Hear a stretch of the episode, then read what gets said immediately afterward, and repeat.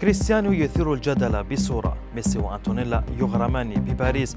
حفيد محمد علي كلاي يتألق في الملاكمة. إليكم أبرز أخبار الرياضة في الساعات الأربع والعشرين الماضية في دقيقتين على العربية بودكاست. الشائعات التي أحاطت بكريستيانو رونالدو في الفترة الأخيرة. نفاها النجم البرتغالي عبر صورة ورسالة على إنستغرام وصفا بالمثيرين للجدل. نص هذه الرسالة والصورة المرفقة حظيا بإعجاب أكثر من عشرة ملايين شخص على موقع التواصل.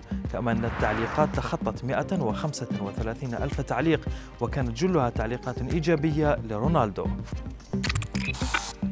لكن قبل رسالة رونالدو نفى أنشيلوتي مدرب ريال مدريد أخبار انتقال كريس إلى النادي الإسباني.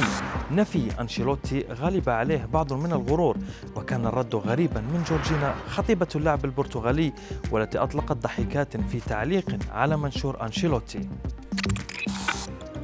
بعد مرور أسبوع واحد فقط يبدو أن ميسي وزوجته أنتونيلا قد وقعا في حب باريس بسرعة وتأقلما مع المدينة. ليو ميسي شارك متابعيه على مواقع التواصل صورة له مع أم الأولاد في مطعم فخم في العاصمة الفرنسية لكن من دون الأولاد.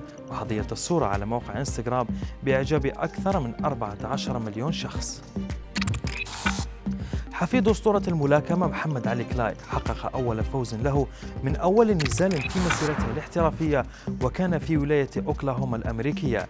الحفيد واسمه علي وولش حسم النزال في الجولة الأولى وبالضبط بعد 30 ثانية فقط من بدايته كما أن وولش قد خاض النزال بالشورت الذي لعب به جده محمد وأهداه إياه قبل وفاته.